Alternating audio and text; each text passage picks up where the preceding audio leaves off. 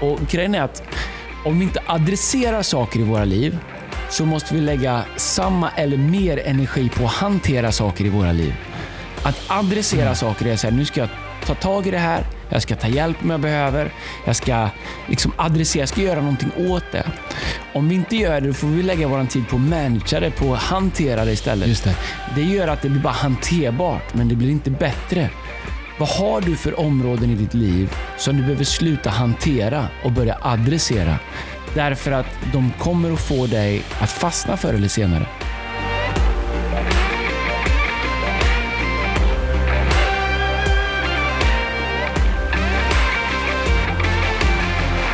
Nu kör vi. Vi är Nu juni. Nu juni. Juni månad. Ja, juni. Ja, alltså du ska ju... eh, Det här är ju sista sommaren för dig där du inte behöver klippa gräs. Nej, men jag, jag, vet, inte, jag, jag, vi köpte hus och jag, Ja. precis, jag sa till dig, jag, jag, jag sa precis, jag, vi, testar, vi testar ett år. Så här, och känns det inte bra så flyttar vi in till stan igen. Vadå testa ett år? Ja, du, men- kan inte, du har ju barn, du har fyra barn. Du Och kan vi- ju inte leva i en värld... Alltså dina barn kan inte behöva växa upp i en värld där ni behöver åka tunnelbana till Björns trädgård för att få Med, titta med, all på gräs. respekt, med all respekt nu, med all, respe- med, med all respekt, min chef och min pastor och allting. Så, bara, så där tänker folk som är liksom uppvuxna på landet. Du menar... Vet du vad det kallas sånt där? Du- nu ska jag bara, folk kommer hata mig nu. Ja, Det där är bondetänk. Ja. Det där är, alltså, så att, du menar så här, ge mig så här, men så här, du, så du menar att ingen som vuxit upp i en stan, de, har- de har inte lyckats eller? Ska vi börja Nej, men det har inte med upp? det att göra. Ska, men jag kan bara säga hur många som har vuxit upp i Jag stan. säger bara att Greta Garbo uppvuxen på Ja, Södermalm. det, ja, och kanon, det gick bra för henne. Nej, men det, är som nej, att ni är inte fattar. det går väl bra att växa upp där. Men vad är livskvalitet för barn? Nej, men ja, jag, Att bo lite utanför stan, där du faktiskt kan gå ut och få gå på gräs. Ja, Ni, vad, vad ska ni göra? Åh Bea, idag är det fint väder. Ska vi ta tricken? Åka och låta barnen få se på lite gräs? Ja, jag sa ju det till. Tjenare Berra! Ska vi åka och se på gräs? Nej, Med Bianca, min äh, yngsta, hon, Det är ju fint om barn kan få cykla lite när någonstans. hon kommer upp till Bollnäs till farmor och farfar, Ja. då, då, är så, då har de svårt att gå när det kommer så rötter och grejer. Då vet de inte vad det är. Alltså, då är det liksom... Det och det Adrian säger är så här, vart ska, vi, eh, vart ska vi lägga asfalt? Det är första han säger, du vet, våran tomt. För han vill ha en basketkorg. Liksom. Ja, ja, det kommer vara bra för dina barn. Alltså. Tror du det? Sen de där 90% Sverige som du precis eh, dissade. Ja, det är inte de 90%. som lyssnar på... Det är inte det. det är, Det är ju 2 Två och en halv miljon bor i två, två, Du är ju alltså, du är dum på riktigt. Alltså, du är så, det är så, alltså, det är helt, jag ska, nästa, vi ska, om det är någon som vill bli min partner i Fredagspodden så bara hör av er. För det här håller på att balla jag är ut. livrädd för Det är ju så här att det är ju 1% av Sverige som bor på Södermalm. Okej? Ja, men det, och det är en bra procent. Jag gillar Södermalm, Ja. men här, alltså det är ju en sån skev självbild. Arbetar, arbetarklass ska det vara där. Det är ju de mest, det är de mest eh, intoleranta, snävaste människorna i hela Sverige som bor på Södermalm. Men, nej, men det, det, det, där, det, det, där sa du inte. Du måste ju passa Om du inte passar... När jag kommer till, sa när jag kommer till Södermalm, Ja. de tittar ju på mig som, vad gör du här? Ja, det fattar jag. Men det är för att Ja. du kommer ibland också med, liksom, inte vet jag, med liksom din... Min pickup truck. Ja, det är inte bra. det är jättebra Nej, för se- halvhybrid åtminstone. Nej, men, och Alltså, se, halvhybrid. ja, ja. Det är alltså, Ja. miljötänket är, Ja, är starkt jättebra. Det är jättebra. på Södermalm. Ja. Det, det är, men, ehm, men jag är lite stressad över vad ska hitta bra kaffe Jag gillar Södermalm. Det är, jag jag vet tar tillbaka till dem. alla, det, det, Nej, säg som det är. Det är bra. jag, gillar kan- Pascal. Det är bra café på Ja. Södermalm. Gillar jag. Pascal, Lycke, Greasy Spoon, Drop Coffee, Johan och Nyström. Hur lång tid har vi? Ja, men inte Alltså- om det. Alltså, jag, kan jag säga, vet du vad jag föredrar? Helt ärligt. När jag får göra en eld i skogen och koka mitt eget kaffe. Det kan de inte servera någonstans. Men det är bara jag. men det- ja, det, är- det En är eld bara, det är bara du. Man kokar sitt eget kaffe i miljön. Det luktar lite bränt. Uff, vad det. Vet du vad, nu har jag hittat en kille ute i Gustavsberg som Mm. gör, eh, han, har ju, han säljer ju det här kaffet, eh, har du hört talas om det från Bali? Eh, som var lite, var, det var stoppat ett tag. Det är apor som går och käkar kaffebönor och så skiter de ut dem och så Ja, brygger de kaffe. Ja. Det är lite... Det är bara på Södermalm det går att Ja, sälja ja, men det- Ja, men försök att lansera det, försök att lansera det i Falköping. 73 kronor för en kopp kaffe. Försök att lansera det i Falköping. Jo, ser du, i vanliga fall så kop- k- k- kostar kaffet här nere vid Plantis eh, kostar 18 kronor. Men nu är det så här du vet att en eh, apa skiter ut där du vet. Så nu kostar det 78 kronor. Det är görbra vet. Det kommer flyga stort i Falköping. Ja, men det, det är jättebra. Det är samma... Det är så här Södermalm. Åh, en apa skitit ut det. Men 79 är ju billigt då. En, en, en annan tanke som också, det finns en annan kille där som jag känner, ett bra shoutout. Eh, han, eh, det är en av dem, han heter Johan i förnamn, jag vet inte hans efternamn. Han startade ett bolag som heter Johan och Nyström, jättestora Mm. nu på kaffe. Startade ett annat eh, kaffefirma som heter Lycke. L-Y-K-K-E, ingen spons alls för det. Mm. Eh, men eh, han, eh, det betyder typ kaffegård eller något sånt där. På, Mm. eh, eh, eller något sånt där. Det betyder något annat, skit i det. Eh, men, så han, han ska börja med fairtrade på riktigt. Okej, alltså, ja. alltså Uber fairtrade. Så vet du vad han gör? Han, han säljer den ju dyrt, liksom, Johan Nyström, på många miljoner. Åker runt i världen, eh, miljötänk, eh, flyger runt. Det börjar bra. Ja, ja, ja. Och, så, så hittar han, och sen så köper han upp eh, kaffegårdar, så att han har eh, kaffegårdar runt om i hela världen. Som han själv odlar kaffet på. Då. Okej. Så det är just Uber fair trade. Men nu börjar jag tänka då så här, det ska komma till söder sen. Och jag tror inte att han Och han sitter på en segelbåt själv Nej. och gör det. Utan, Nej, men det är väl bra att alla försöker göra sitt, sitt vad de kan. Men jag tror att... Eh, alltså det är, nog- alltså så här, lyssna, om ni håller på med kaffe och är svinbra. Vi har ju Tobbe Palm och så, så han är Ja, duktig. Så här. ja. Han har försökt. Vi var i London jag och Tobbe Palm. Och var du med också? Då? Ja. Så skulle han ta in oss på något så här svintrendigt hippt ställe och köpa kaffe. V60. Mm. Nej, det var V60 heter det, V60 ja. ja. Det första, Det tog, det tog en halvtimme att få kaffet. Det är ju inte rimligt. Det är, vet, så här, och det står människor och de, grejer, och de ska hälla långsamt över... Och sen, du vet så här, så, nej, det vet jag, jag är så trött på det. Så det så här, jag, bara, jag har gått till 7-Eleven och köper kaffe. Men jag står där och väntar, för jag ser, inser att det här är viktigt för Tobbe. Liksom. Han berättar processer och grejer. Så jag tänker bara, bara, bara det är varmt och starkt, tänker jag. Liksom. Så kommer det här kaffet. Det är för det första ljummet. ja, det ska det vara. Ja, det är Därför ljummet. ta fram Och, smakerna ja, men bättre. sluta. Det gör det. Och sen så får jag kopp och jag, bara, jag ser hela vägen ner i botten. Jag bara tänker, de glömde ju bönor i mitt. Liksom. Så jag smaka på det. Det är ju bara blask. Det är ju ingenting. Jag tänker, här har vi betalat fyra gånger mer än vanligt för kaffe. Det är ljummet och det är svagt som tusan. Jag bara, vad är det? Så här, hur har de lurat er? Nej, men alltså det, jag gillar det. skog, du vet, i skogen, du kan ju till och med, i skog, du kan till och med trycka ner om du vill ha lite så här, Du kan trycka ner en gran, ta skottet på en, på, på en gran eller en, en tall. Trycka ner i pipen och hälla igenom så du får lite så här kodsmak.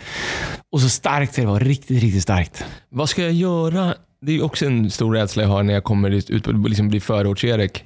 Och det vill jag inte bli. Men så, så jag tänker att det är landet med. Alltså jag, jag, flytt, jag, jag, jag, Alltså, du flyttar ju till Värmdö, Nej, nej, det. jag, jag flyttar till skärgården, säger jag. jag, är ingen för... Det, det, Men vadå, Embracer är ju en underbar tid. ja, jag vet det. Men du kan jag, öppna dörren, barnen kan cykla, de kan gå på gräs, de Ja. kan liksom spela fotboll, de kan vara kompisar. Men då, då, du vet, jag saknar, vet nu har det snart öppnat ett annat ställe, jag ska inte göra reklam för det heller. Men, det, men det är tacoställe som ligger på den gatan jag bor. Alltså Mm. Ja. jag har ju, du vet, Ja. bra restauranger nära. Eh, och eh, där käkar man nu tacos på wagyu-gris. Wagyu är att man alltså går och käkar, alltså grisen Ja. går och käkar, så här är det. De går på Värmland på fyra meters plätt och käkar, eh, käkar gräs medan en bonde håller på att massera Ja, inte hela grisen. dagen, men ja, de äter speciell och inga tillsatser, inga Ja, protein. vet, det är så bra. och- Det är så ja, bra. Ja, det är bra. Så att men det- du vet, det finns ju kvar. Men, ja, men, Men grejen med det, jag åkte, vi spelade för fotboll. nu kommer jag få kebabpizza. Liksom. Ja, gött. Oh, bra. Hör, det är det. Eh, nej, men grejen är så här att du, är, Dagens- du jobbar ju inne i stan. Dagens planka liksom. Du vet, 73. Ja, alltså, mm, ja, vad ska jag säga? Det är ju svårt. eh, Vi ska börja ta Erik, jag inte om egen tror jag ska ta en vecka och resa runt i Sverige lite grann. För det, det är, jag är inte säker på att du, eh, dina, din, är inte säker på att din kurs går, går Nej, stiger ut i stugorna. Det är ju, du uppfyller ju, så här, man kan säga så här, jag tycker om det, jag känner det, jag Ja, vet inte om det är så, men du uppfyller ju myten av en svindryg stockholmare. Ja, jag vet. Men det är... Eh, och det, det är inte bara smickrande. Nej, men alltså, då kan jag säga till alla er som lyssnar på det här, på fearlessathilson.se, mejla till mig då. Alltså, eh, tips. Alltså, vad, är vad, vad ska jag leta efter ute i, för, i förorten? Alltså, det är väl det. Alltså, Ja, för det första är du inte för... Ja, du är i Värmdö. Ja, det är just, men eh, du kommer jobba här inne. Men det, ju- vi spelar ju fotboll nu eh, varje vecka. Du är inte med. Nej. Det törs ju inte. Du var Jag med låter sist. dig- Jag sköt dig i magen jag senast. Du varit låter dig komma igång lite grann nu. Och så har det varit så mycket motgångar med Djurgården, du förluster. Så tänker jag, då, får, då ska du få några veckor då. Det gör det. Ja, För- whatever. whatever. Ja, jag ska ringa B och fr- fråga om inte du kan komma en kväll. Men, men eh, då när man kör hem så här vid tio på kvällen vi spelat färdigt. Då kör jag genom stan. Jag gillar att köra genom stan. Man kan köra liksom, du vet, så här, vi spelar på Söder. Du kan ju köra liksom genom stan hem och sådär. Eh, eller du kan köra liksom runt stan och köra Årstalänken. Och så här. Men jag kör genom stan. Tycker det är mysigt att köra upp där och kör... eh, man får svänga höger på ett ställe där man inte riktigt får svänga höger. Man kommer ner på, på Götgatan där. Men det, det är det värt. Eller Jag Folkungagatan. vet exakt. Ja, Ja, folk, ja. Folksamskrapan. Ja, men du vet där nere vid... eh, Du kommer Lilla Bäckströmsparken spelar vi, så kommer du ner till vid, vid Hornstull där. Och där får man inte svänga höger upp Nej. på Götgatan där va? Nej, exakt. Eh, eh, men ja, ibland så händer det. Eller har hänt. Men om du åker den gatan upp, du får köra en Dewey där på något sätt. Ja, jag. Och så kör du genom stan. Man får inte svänga vänster. Ja, skit. Ja, Ja, höger får du inte svänga. Om du kommer från... Ah, okej. eh, eh, ja, skitsamma. Det beror på vilket håll det kommer ifrån. Ja, jag ja, ja. du. Eh, Men jag körde igenom den här kvällen då när vi spelade fotboll och ser liksom Stockholm, Stockholm by night är, city är väldigt fint. Och jag sa till Lina, kanske den här som att vi skulle återupptäcka Stockholm. Mm. Eh, för vi reser ju jättemycket runt om i världen och, och, och ibland glömmer man bort. Ja. Och, och, eh, så för alla er som bor ute i landet, kommer hälsa på. Eh, Stockholm på sommaren är vackert. Det finns mycket bra att göra, bra restauranger, mycket man kan göra som inte kostar mycket pengar. Och det är men det är en vacker stad. Liksom. Verkligen. En Och vacker vill, stad att promenera i på sommarkvällar. får jag också bara säga då, det här finns en ledarskaps, eh, kanske råd, gratis får du bonus. Alltså, jag menar inte, jag är jag är uppvuxen i Tyresö i förorten. Jag vet ju, liksom, jag bodde vid Silverado pizzeria, jag vet exakt hur det är.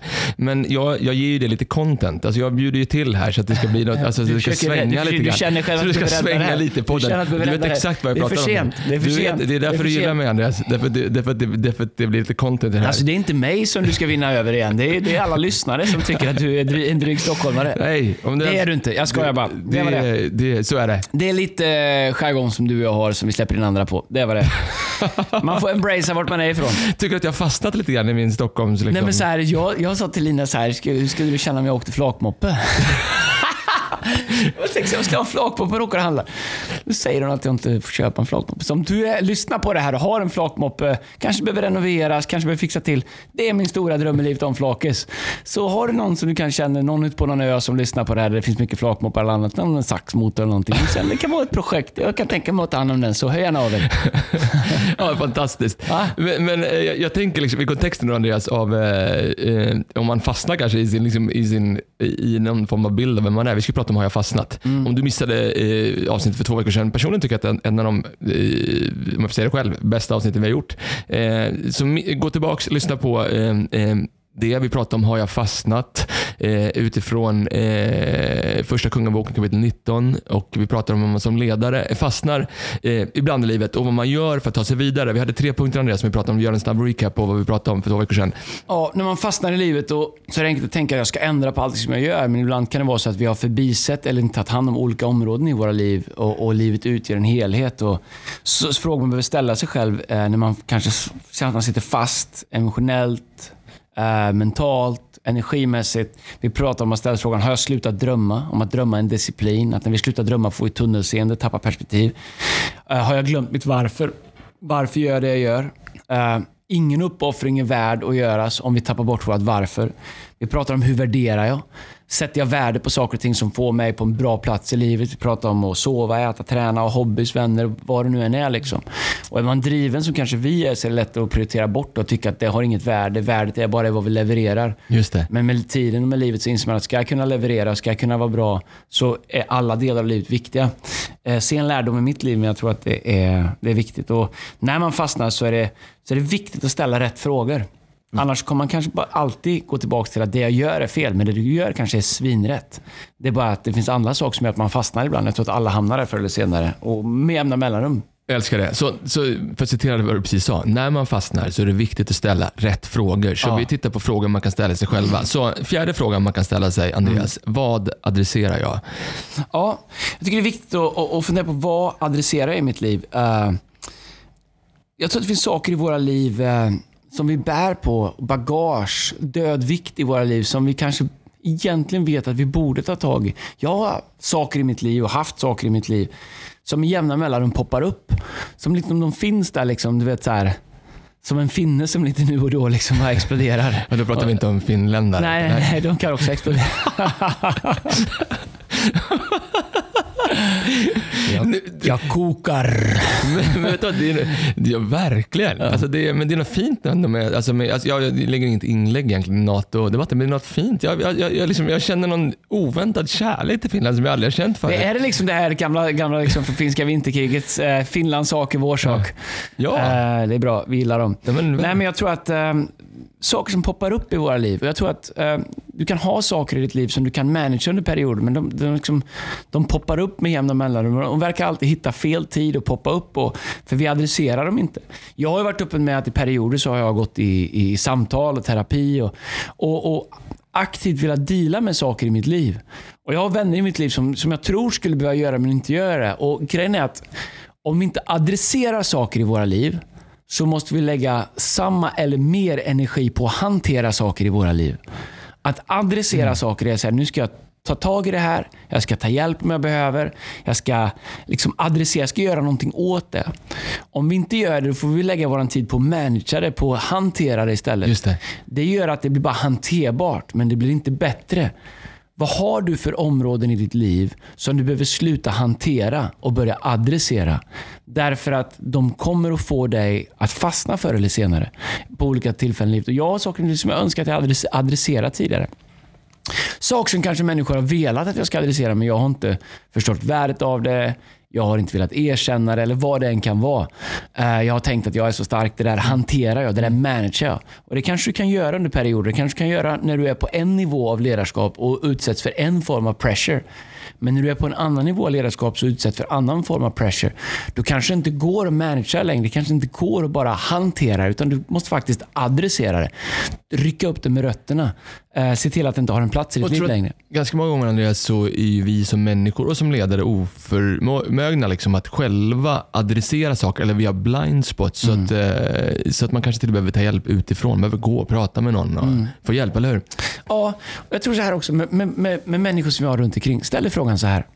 Om ingen någonsin eh, ger dig konstruktiv feedback eller ställer liksom frågor som ibland bränns lite grann om hur vi är, hur vi agerar, hur vi resonerar, vår självbild, vårt språk. Vad handlar det om? Pratar jag bara om mig? Vad är min berättelse hela tiden? Jag känner människor som, deras berättelse är hela tiden vad de har lyckats med. Just det. Eh, och jag tänker, direkt när jag hör det för många, jag tänker, vad, vad kompenserar du för? Mm. Ofta liksom så är det ett sätt att managera en ihålighet eller en osäkerhet eller olika saker. Och om ingen någonsin ställer en fråga till dig eh, om det, då måste man ställa sig frågan, hur tillgänglig är jag? Just det. Hur är jag som person? Om du Erik aldrig skulle våga ställa en fråga till mig, Andreas, va, när, när, du gör så här, varför gör du det? Liksom, var kommer det ifrån? Mm. Eh, eh, på tal om blindspots då behöver jag kanske ställa mig frågan, hur, tillgänglig är jag för människor runt omkring mig? Och vad har jag för typ av vänner? Och hur mycket distans håller jag till min omgivning? Därför jag tror att i en hälsosam miljö med hälsosamma vänner, alla har inte rätt att klampa in i allas liv. Nej. Men om det inte finns den anläggningsytan där någon kan säga, Andreas, jag ser att det här poppar upp hos dig lite nu och då och jag vet inte vad som triggar det. Eh, var kommer det ifrån? Eh, man behöver ha vänner som vågar göra det, men man behöver också leva på ett sätt så att de känner att du riskerar inte hela din vänskap om du gör det. Och Jag tror att eh, de flesta av oss managerar saker i våra liv som omgivningen ser att vi managerar och på något sätt lever med att, de, att vi gör. Men jag tror att det, eh, det hindrar relationers fulla potential och det hindrar våran potential av tillfredsställelse. För så mycket av våran win, häng med på det här, jag tror att det här kommer hjälpa någon. Så mycket av våran win går åt till att kompensera för våra osäkerheter eller ihåligheter. Så vi är alltid nästan, i bästa fall, på ett noll. Mm. Så våra wins som vi har i livet bygger oss inte, tar oss framåt. Utan de går åt till att fylla ihåligheter som vi har i våra liv som vi inte adresserar. Så vi lever i bästa fall i ett plus minus noll. Medan det inte är Guds tanke för oss.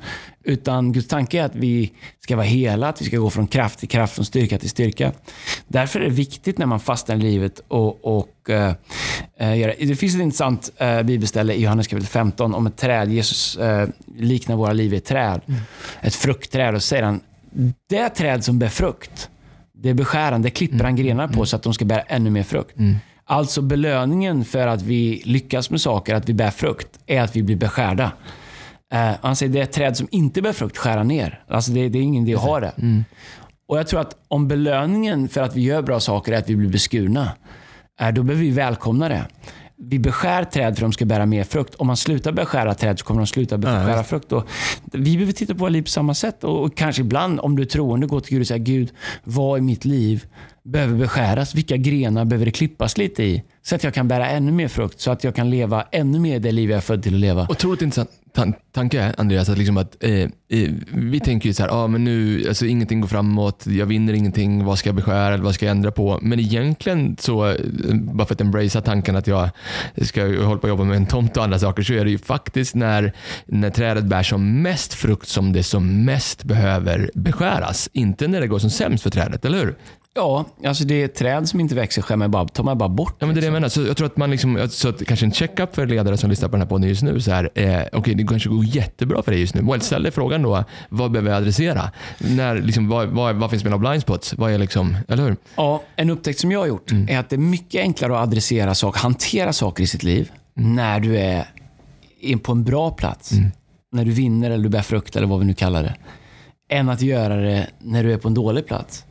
Om vi inte tillåter våra träd bli beskurna, om vi inte bjuder in det ledarskapet i våra liv, om vi inte bjuder in de rösterna, om vi inte, hjälp, om vi inte bjuder in människor ibland hjälpa oss med en 360-analys, om vi inte bjuder in de tankarna när vi har framgång, då kommer vi tvingas göra det när vi fastnar för att komma vidare. Därför är det, men, men det är mycket svårare. För att när vi har framgång så låter vi det överskugga och kompensera. För det hjälper oss. Vi är så starka där så att vi kan managera och hantera det. Men om du adresserar saker i ditt liv när du är på topp eller när du är en bra säsong så kommer din tuffa säsong som alla hamnar i var mycket enklare. För annars kommer du vara tvungen att hantera det där. Vet du vad jag märkt med stora ledare? Eh, och jag inkluderar dig 100% i den. Stora ledare eh, är inte rädda för att adressera saker. Eh, och De gör det i kärlek och de gör det utifrån min eh, synvinkel många gånger. Men jag, du har gjort många gånger, många andra människor jag har i mitt liv eh, som adresserat saker. Och de har ofta adresserat saker faktiskt när jag känner att jag har vunnit. Och det blir så här, Ja, och inte att jag har känt att jag har förlorat efteråt, men jag har blivit sjukt mycket bättre. Tror du att det är så Andreas, eh, att en del människor de fastnar därför att de flyr från stora ledare, för att de vet att de kommer att adressera saker i deras liv? Ja, jag tror alltså grejen är att ledarskap är ju så här. Jag som ledare, jag, jag kan ju inte kräva att få leda någon. Nej. Det är ju, det är ju liksom, jag har ju ledare i mitt liv också. Och Det är ju ett förtroende som jag ger dem. Ledarskap är något man bjuder in i sitt liv. Och Jag tror att att bjuda in ledarskap sitt liv. Det är liksom så här, vi spelar ju fotboll, nu har vi sagt det många gånger. men det är så här, Du har spelat fotboll Ja, liksom ja, men en och ja, en men halv gång. Jag Det är spelar liksom- varje sommar. Men eh, så här, jag, vi kör inte med offside. okej? Nej, det. Och jag gillar att vara på topp. Jag, är inte liksom så här, eh, jag skickade en video på någon rolig gubbe som dribblare eh, till några. Var på Andreas Segerfeldt, skickade tillbaka. Jag skrev det här är jag nä- nästa vecka. Han, då skickade han tillbaka här, du har aldrig varit så långt ner i planen. Det här var på mitt plan. det är så sant. Men det, det jag gör uppe på topp, det är att jag liksom, upp, upp. Jag jag redo för passning. Jag, jag är liksom mottaglig för passning. Det är inte alla som ser det. Det krävs visst öga för att hitta mig där. Men eh, jag tror att det är samma sak med ledarskap. Man gör sig tillgänglig för ledarskap. Man bjuder in ledarskap i sitt liv. Jag tror att för många människor lever så långt under sin potential därför att de bjuder inte in ledarskap i sitt liv på de områden där man verkligen skulle behöva ha ledarskap. Ibland tänker man så här.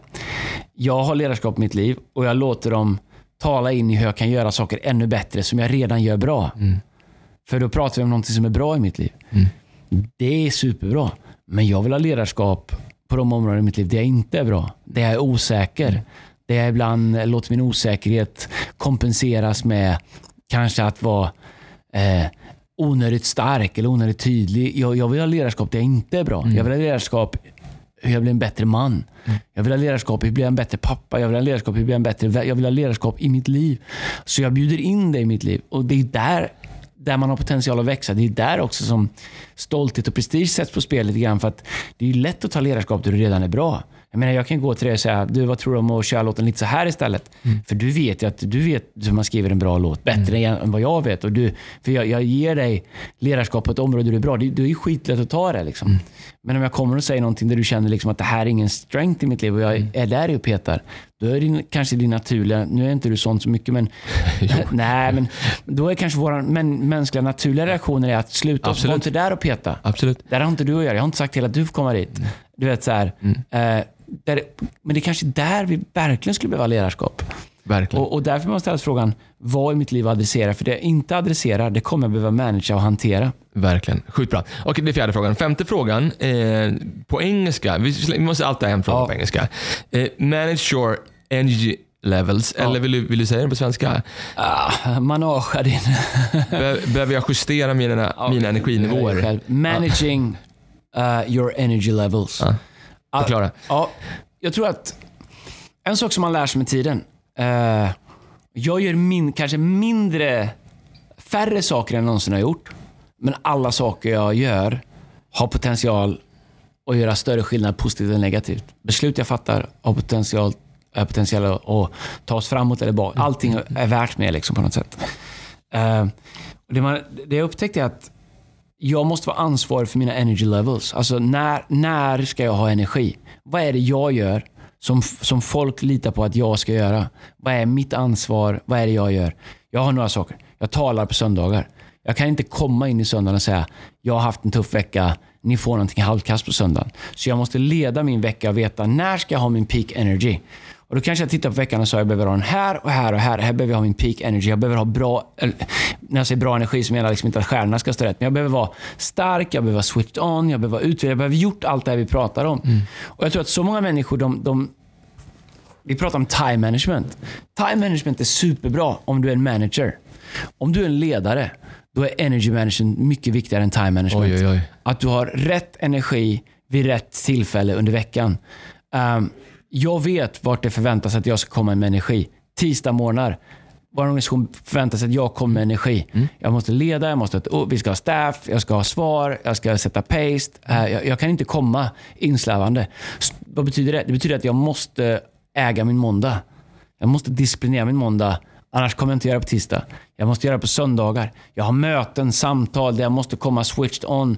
Vi har beslut vi ska fatta. Vi har processer där jag måste ha energi. Jag måste ha rätt. Jag måste ha liksom headspace och jag måste ha um, jag måste ha energi i mina levels. Mentalt, emotionellt, fysiskt, andligt.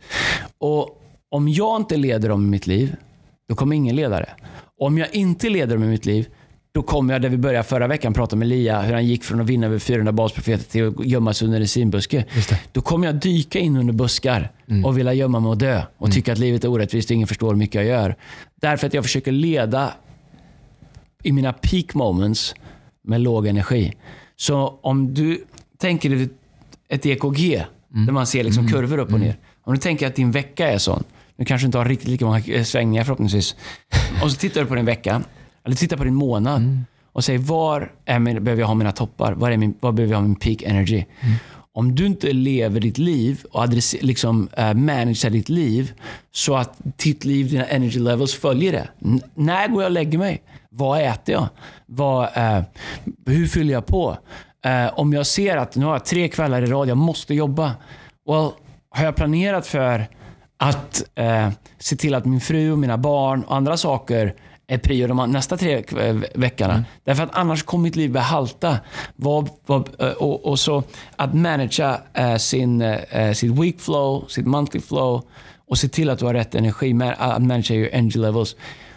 Alltså jag hör så mycket människor prata om, jag hör så mycket ledare prata om liksom time management och struktur. Allt är svinbra. Men som ledare om du inte leder med energi, vi kan ha all time management rätt, vi kan ha alla strukturer rätt. Men kom ihåg att när vi väl har gjort alla former, vilken formel du än förespråkar, så ska du stoppa in människor där i. Mm.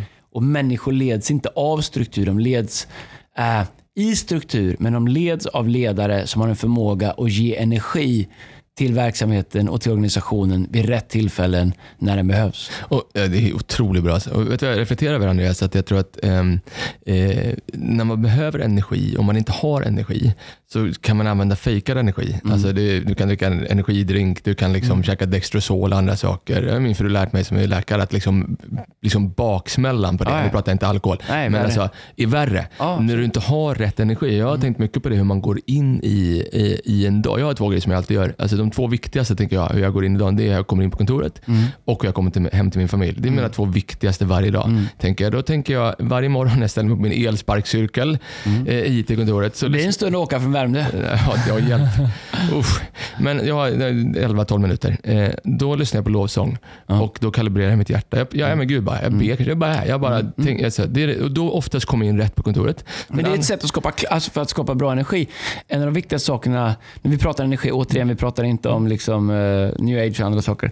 utan komma liksom, uh, uh, det du gör där, det är att du skapar clarity. Jag tror det. Och clarity i, andra, clarity i sinnet gör att du kommer med fokus. Mm. Och då, då blir du som en vattenslang. Det kommer du få lära dig när du ska flytta ut på ha trädgård. Att, Sluta, jag vet inte. Får ont i magen. Så fort du säger det får jag ont i magen. Jag har redan ont i magen. en vattenslang kan du öppna upp så att den sprider väldigt brett. Okej. Och du vet liksom inte riktigt vad du träffar. Men du kan också eh, sk- skruva till den så att du får en, en väldigt eh, hård stråle. Men sluta, det vet du. Så dum är det inte. så att du faktiskt får energi på det du träffar. Ja. Och Det du gör på morgonen där, Mm. det är att du skapar clarity. Så att du, och clarity leder till fokus och fokus leder till att du faktiskt träffar vad du siktar på. Ja, jag, jag tror, ja, tack. Och jag tror att den, den andra gången, det är ju när jag kommer hem till min familj. Och det jag gör där är för jag tror att, som en dag igår, igår eh, jag tror vi hade, jag, jag vet, skitsamma, jag är inte bättre än alla andra. Du, alltså alla många möten. Jag, jag kan inte ens räkna hur många möten vi hade och hur lite tid jag hade mellan mötena. Så om jag ska komma hem då liksom, och liksom, min familj ska få mina leftovers, det går ju inte. Nej. Så det jag gör då är att jag ställer mig på samma elsparkcykel och då lyssnar jag oftast på någonting som, jag, som är totalt annat. Jag lyssnar på rolig, rolig podd, jag lyssnade på Toto igår. Alltså, jag, jag, bara, alltså, jag, alltså, någonting som är helt, alltså, det, det är så okristet. Kan man bara säga, du håller på att hacka på med YouTube och du är Toto. Jag gav bort det, jag kände jag gav bort det. Sen liksom- snabbt så bytte jag till Harry Styles. Podden började så har du hackat på att jag gillar YouTube och så drar du upp, jag, vet, jag såg en bild på Steve Lukather. Ja. Har du sett, det, han är inte i sin prime längre alltså. Ja, men tala inte ner dem. Nej, men jag bara säger, han- jag sa han skulle säga, de, de, de har liksom två spelningar i Sverige. Man kan säga att det blir inte större och större. Men så här, till, po- till, till poängen då. Så efter någon dag, jag lyssnar bara på roliga, jag kan lyssna på, jag ska inte namedroppa poddar, men poddar som inte alls kristna. Jag lyssnar Nej. på, så, men som bara, det är bara... Toto Balotto. Ja, det gör jag. Ja, Absolut. ja, Toto Balutto, jättebra. Och andra saker, du vet hockey, via, via, via satt, via play. Vad jag lyssnar grejer. Nej, ja, det vet jag inte. Dansbandspodden. Nej. Nej, lägg av. Jakthundar och jakt. Ja, det, oh, ska, det lyssnar jag på, jag behöver somna men En bra podd, Jakthundar och jakt. Shout Men- out. Det som händer med Ekståhl. Det som händer med är att jag behöver inte tänka så här, nu ska jag vara så här när jag kommer hem. Utan det är bara, då har jag varit något helt annat. Så Mm. då märker jag att det är en annat mode när jag kommer hem. Liksom, eller hämtar på dagis.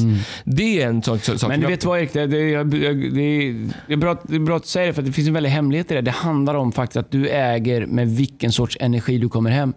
Du äger ditt mentala tillstånd.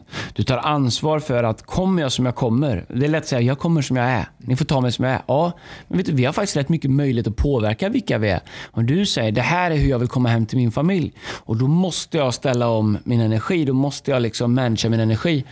Um, så superenkelt att fastna i livet.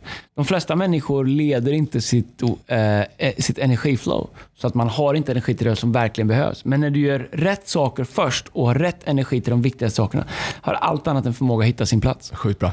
Sjätte frågan ställer sig. Ja, Tar jag den hjälp jag behöver?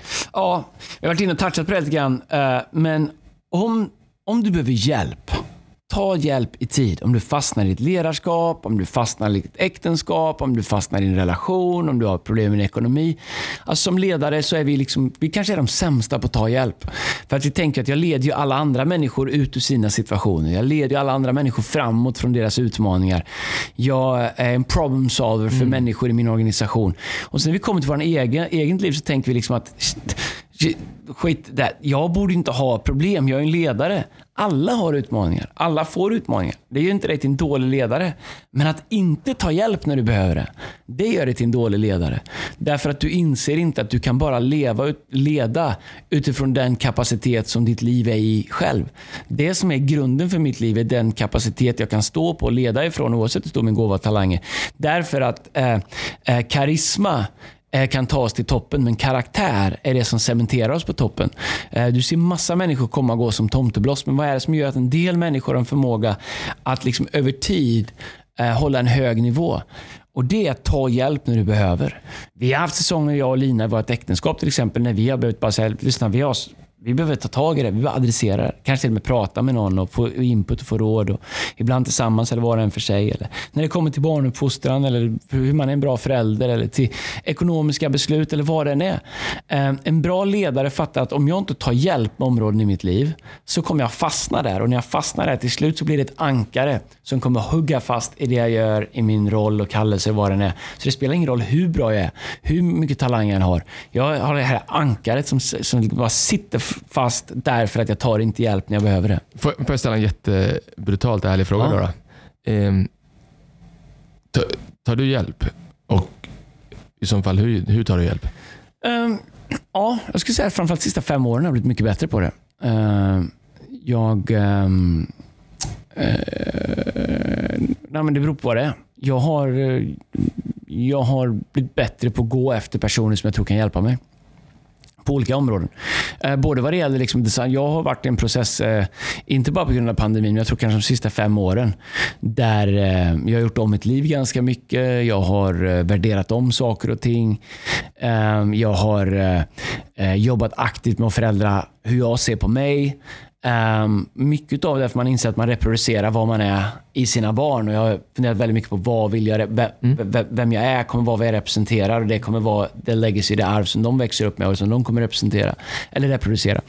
Um, så att, um, jag tycker faktiskt att jag uh, i början av mitt liv, alltså, om man säger de första 40 åren, jag har varit mm. sämst. Mm. Jag tar inte hjälp. Nej. Jag har sett, kanske sett det som en svaghet. Mm. Jag har liksom bara champion. Och Det har kanske att göra med att jag ibland är för stark för mitt eget bästa. Liksom. Jag har, mitt pannben kanske är för tjockt ibland. Liksom. Jag tänker bara, men jag nöter, jag kör. Skitsamma, jag managerar mina svagheter och jag bygger mina styrkor. Och Det finns någonting att säga om det. Men jag tror att jag, hade, jag har fått jobba onödigt hårt med viss, på vissa områden i mitt liv. Som jag hade sluppit om jag hade adresserat dem eller tagit hjälp eh, mycket tidigare i livet. Och sen, jag vet inte, jag, jag är ingen psykolog. Jag, ehm, eller, samtidigt, vissa av de sakerna har gett mig en jättemotor på insidan som jag kanske inte har haft annat. Jag vet inte, men jag, jag inser att saker och ting som kan göra mig bättre. Om man, nu vet inte du det, men en motor. Eh, om du optimerar prestandan i motorn mm. så att den går bättre, så levererar den bättre mm, effekt. Mm. Mm. Och så är våra liv också. Eh, därför så är det, eh, om du är en ledare och du inte aktivt liksom, på något område i ditt liv just nu får hjälp. Jag menar inte liksom att du behöver ha superproblem, men det kan vara vad som helst. Liksom.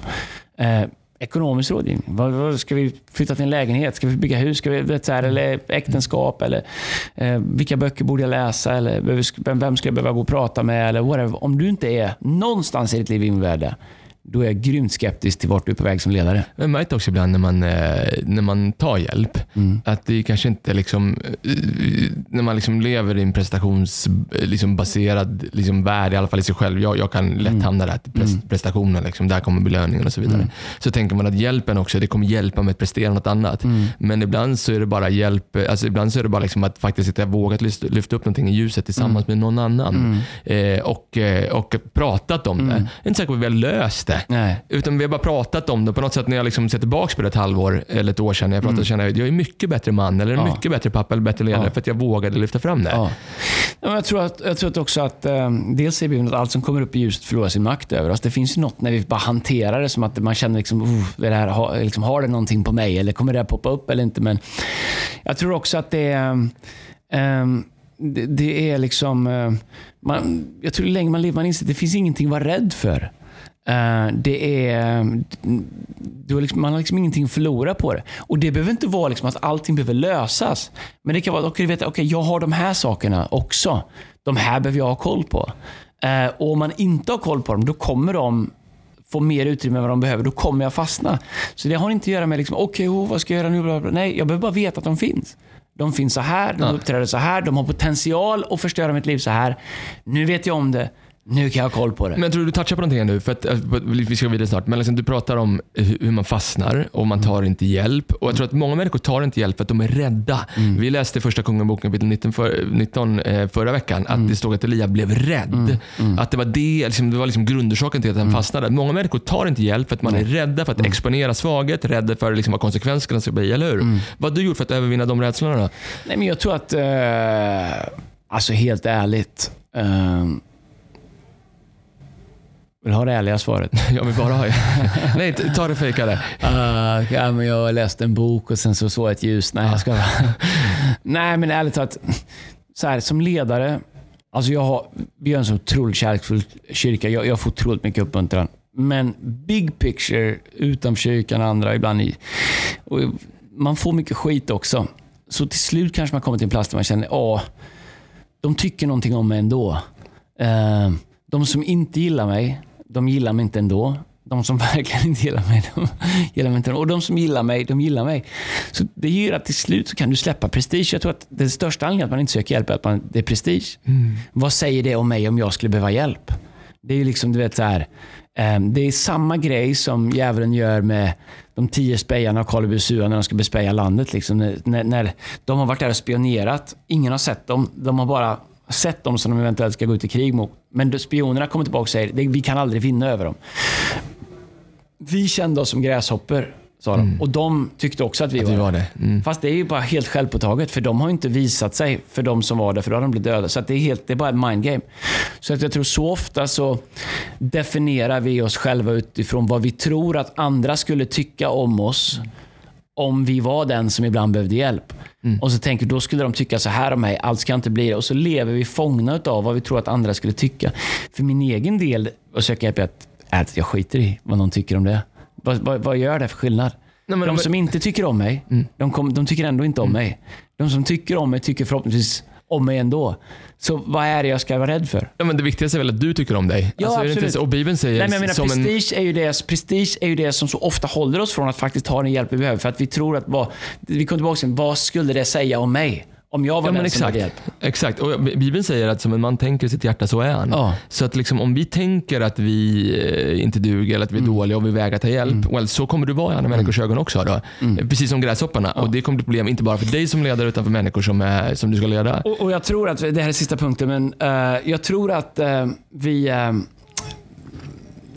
jag, tror- vad ska jag säga? Jo, jag tror så här. Om man har levt väldigt länge, och det är något som jag kan känna nu blir det värsta bikten där, men eh, om man har levt väldigt länge med på ett sätt, kanske inte tagit hjälp, definierats utifrån vad man lyckas och misslyckas med eh, och liksom låtit det bli bilden av en själv, så kan vara lätt tänka, eh, vem är jag nu? Om jag, om jag liksom öppnar andra dörrar i mitt liv. För nu har jag liksom, nu, jag är ju det här och det kan jag hantera. Men lyssna, om jag, ut, om jag liksom hanterar utmaningar i mitt liv, så betyder det inte att jag är mindre duktig på det jag alltid varit duktig på. Att jag är mindre liksom begåvad eller kallad eller eh, de verktyg Gud har lagt i min hand. De försvinner ju inte. Bara för att jag säger, jag är det här också. Jag behöver hantera det här också. Och ibland så tror vi att min svaghet eh, kommer överskugga min styrka om jag börjar hantera min svaghet. Men det är inte, de samexisterar. Faktum är att när du börjar hantera din svaghet så kommer din styrka bli ännu starkare. Ja, otroligt bra. Andreas, eh, sista punkten. Eh, Och det, du sa att det var sista, men du hade faktiskt en sista punkt. Mm. Ja, just det. Den, och den är ju, jag inser att det finns människor som lyssnar på den här podden som inte är kristna. Mm. Men jag tycker det är bra. Alla behöver lyssna på den här sjunde punkten. Därför att den kommer hjälpa människor. Den sjunde punkten och och sjunde frågan att ställa sig själv är, ber jag? Ja, och det är ju super. Grejen är så att jag har jättemånga vänner som ber, som både kristna och inte, inte kristna, men att be, ehm, det är svinbra. Alltså det har så många bra Dels för att Gud, Gud finns och att Gud hör bön. 100 procent. Eh, om du är kristen så har bön, den kanske viktigaste funktionen med bön, det är att kalibrera vår, vårat inre mot Gud. Just det. Vårat hjärta mot Gud. Ja. Eh, och Det är kanske det viktigaste som, som vi behöver göra när vi fastnar och när vi gör olika saker. Det är att liksom se till att mitt inre, för om, om jag har en inre kompass, om den är helt out of whack, om jag följer den, då kommer jag ju hamna fel. Så det första vi behöver göra, vi behöver be och vi behöver stilla oss inför Gud och säga Gud, kalibrera min inre kompass. Se till att den pekar åt rätt håll. Så nu när jag börjar ta steg, att det är steg åt rätt håll. Därför att det som händer när vi fastnar och saker händer och vi har motgångar och, och saker händer, det är att det är som att du vet, så här, det som har varit norr innan på kompassen, det är inte det längre. För kompassen är helt out of whack. Den är helt messed up. Så jag har lärt mig att en av de viktigaste sakerna för mig att göra, det är att börja gå till Gud och säga, Gud, bara sätt min kompass rätt, sätt mitt hjärta rätt, peka mitt hjärta rätt. Innan jag gör någonting annat, innan jag är arg på den, innan jag är besviken här, innan jag är arg på mig själv. Sätt mitt hjärta rätt så att det pekar åt rätt håll. Vänd mitt hjärta rätt. Men jag tror att när man ber också så, eh, mycket av bön handlar, handlar, handlar om att lyssna. Och, och, och, och visst, du kan be, du kan använda ett bönespråk och ibland är det grymt bara liksom Ta en timme och be i anden om du kan göra det.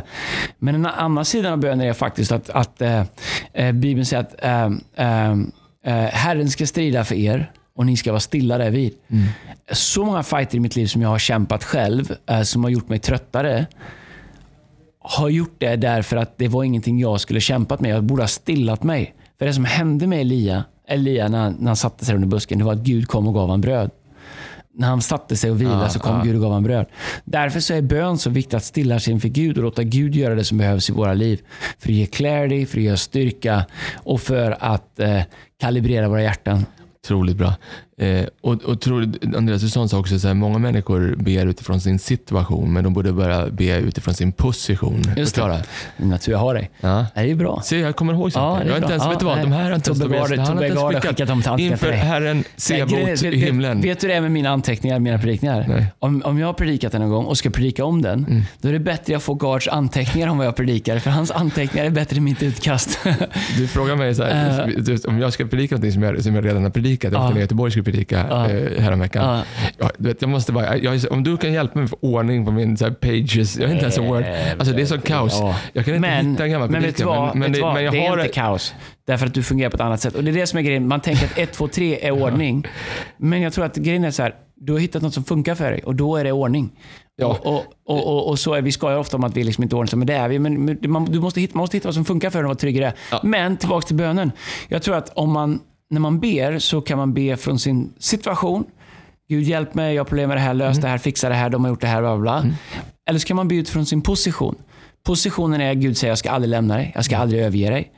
Eh, samma ande som uppväckte kryss från de döda bor i dig. Mm. Du är mer än en övervinnare. Eh, du, du eh, hämtar nu kraft och styrka i hans namn. Ja. Eh, det finns massa saker som talar om vem du är i Kristus, vem Mm. det. du är i Gud, alltså din position. Det. Och Det finns massa saker som berättar oss för vilka vi är i vår situation, vårt misslyckande, vår utmaning eller vad det är. Jag har upptäckt att det är mycket bättre att be utifrån sin position. Vem Gud säger att jag är, vad Gud har lovat, alla hans löften. Är min herde, mig ska inte fattas. Han för mig till vatten där jag finner ro. Han, han led mig, han vederkvick min själ, endast godhet och når alltihop där. Det är min position. Jag är ett får, han är min herde, han tar hand om mig, han har gett mig löften. Även om jag går igenom det här nu, så säger det inte något om vem jag är. Det säger något om vem jag går vad jag går igenom. Det är min situation. Men jag kan be utifrån min position, vem, vem Gud har sagt att jag är och vem jag är för honom. Älskad, accepterad, någon som har en framtid och ett hopp. I Jeremia 29.11 säger Gud, jag vet vilka tankar jag har för er, nämligen fridens tankar om en framtid och ett hopp. Det är vår position. Eh, och därför är det så viktigt att vi hittar vårt värde i vår position inför Gud, inte i vår situation jämfört med andra människor. Otroligt bra. Eh, jag tror många människor börjar gå tillbaka till det här, till de här sju frågorna. Ställa sig själv, och en bra tid, kanske i sommar. Mm. Så här, jag kanske fast, har jag fastnat här i min ledarstil? Har jag fastnat här i mitt äktenskap? Har jag fastnat? Du vet, Jag har fastnat i mina tankar, jag har fastnat i, i liksom hur jag har snickrat ihop min världsbild utifrån min situation eller vad den är. Varför inte ta de här sju frågorna, ställa dem till dig själv den här sommaren. Och, Japp. eh, det kommer bli grymt. Andreas, vi ska avsluta med en sång. En sån, det är din tur att välja. Är det det? Okej. F- får jag, ska, vi kan vi- ska jag välja någonting som kommer göra dig glad? Ja. Får jag, jag ska välja en countryartist då. Jag tycker att det blir en bra segway. Det, här är, det här har jag inte tänkt ut, men nu kommer jag på en jättebra låt. Vem? Eh, Men vi pratar om B. Vi, eh, Ja. vi, vi pratar om, eh, vi pratar, Ah. vi ska prata Chris Stapleton. Jag ska säga, du vet vilka jag menar. Ah. Chris Stapleton, vad har vi på Chris Stapleton?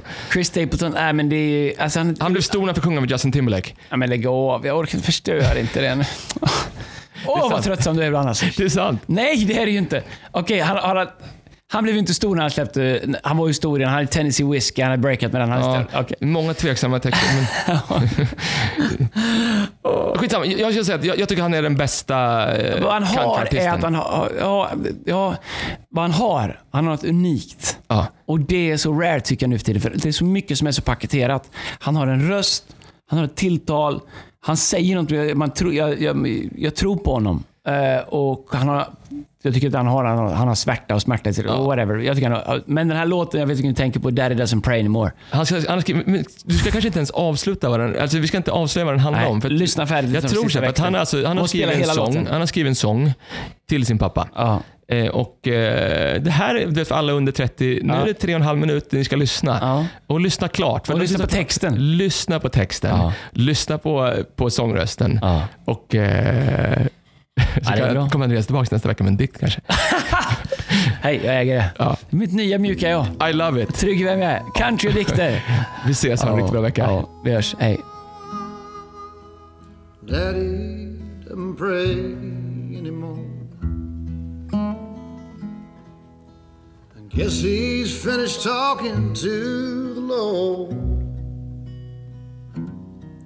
He used to fold his hands bows, head down to the floor. And Daddy doesn't pray anymore. I remember even when the times were bad. He thanked Jesus for everything he had good wife and three children food upon our plates. Everything was right, and he said grace. Daddy doesn't pray anymore. I guess he's finished talking to the Lord. He used to fold his hands and his head down to the floor. But Daddy doesn't pray anymore. There was a time when we didn't get along. Cause I thought I was right and he was wrong. Still, when I lay down at night,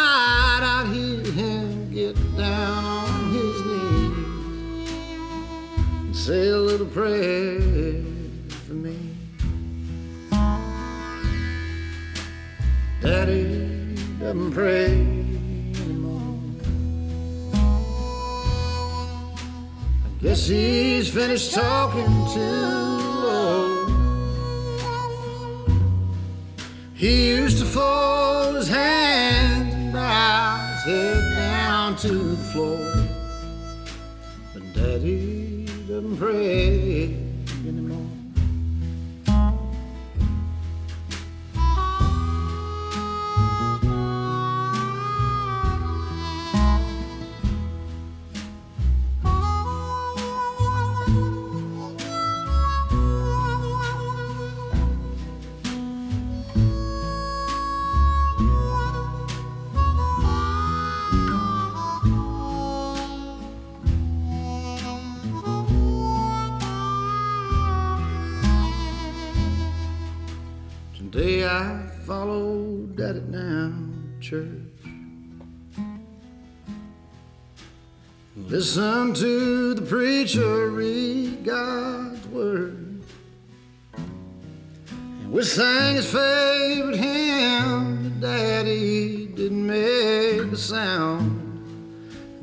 afternoon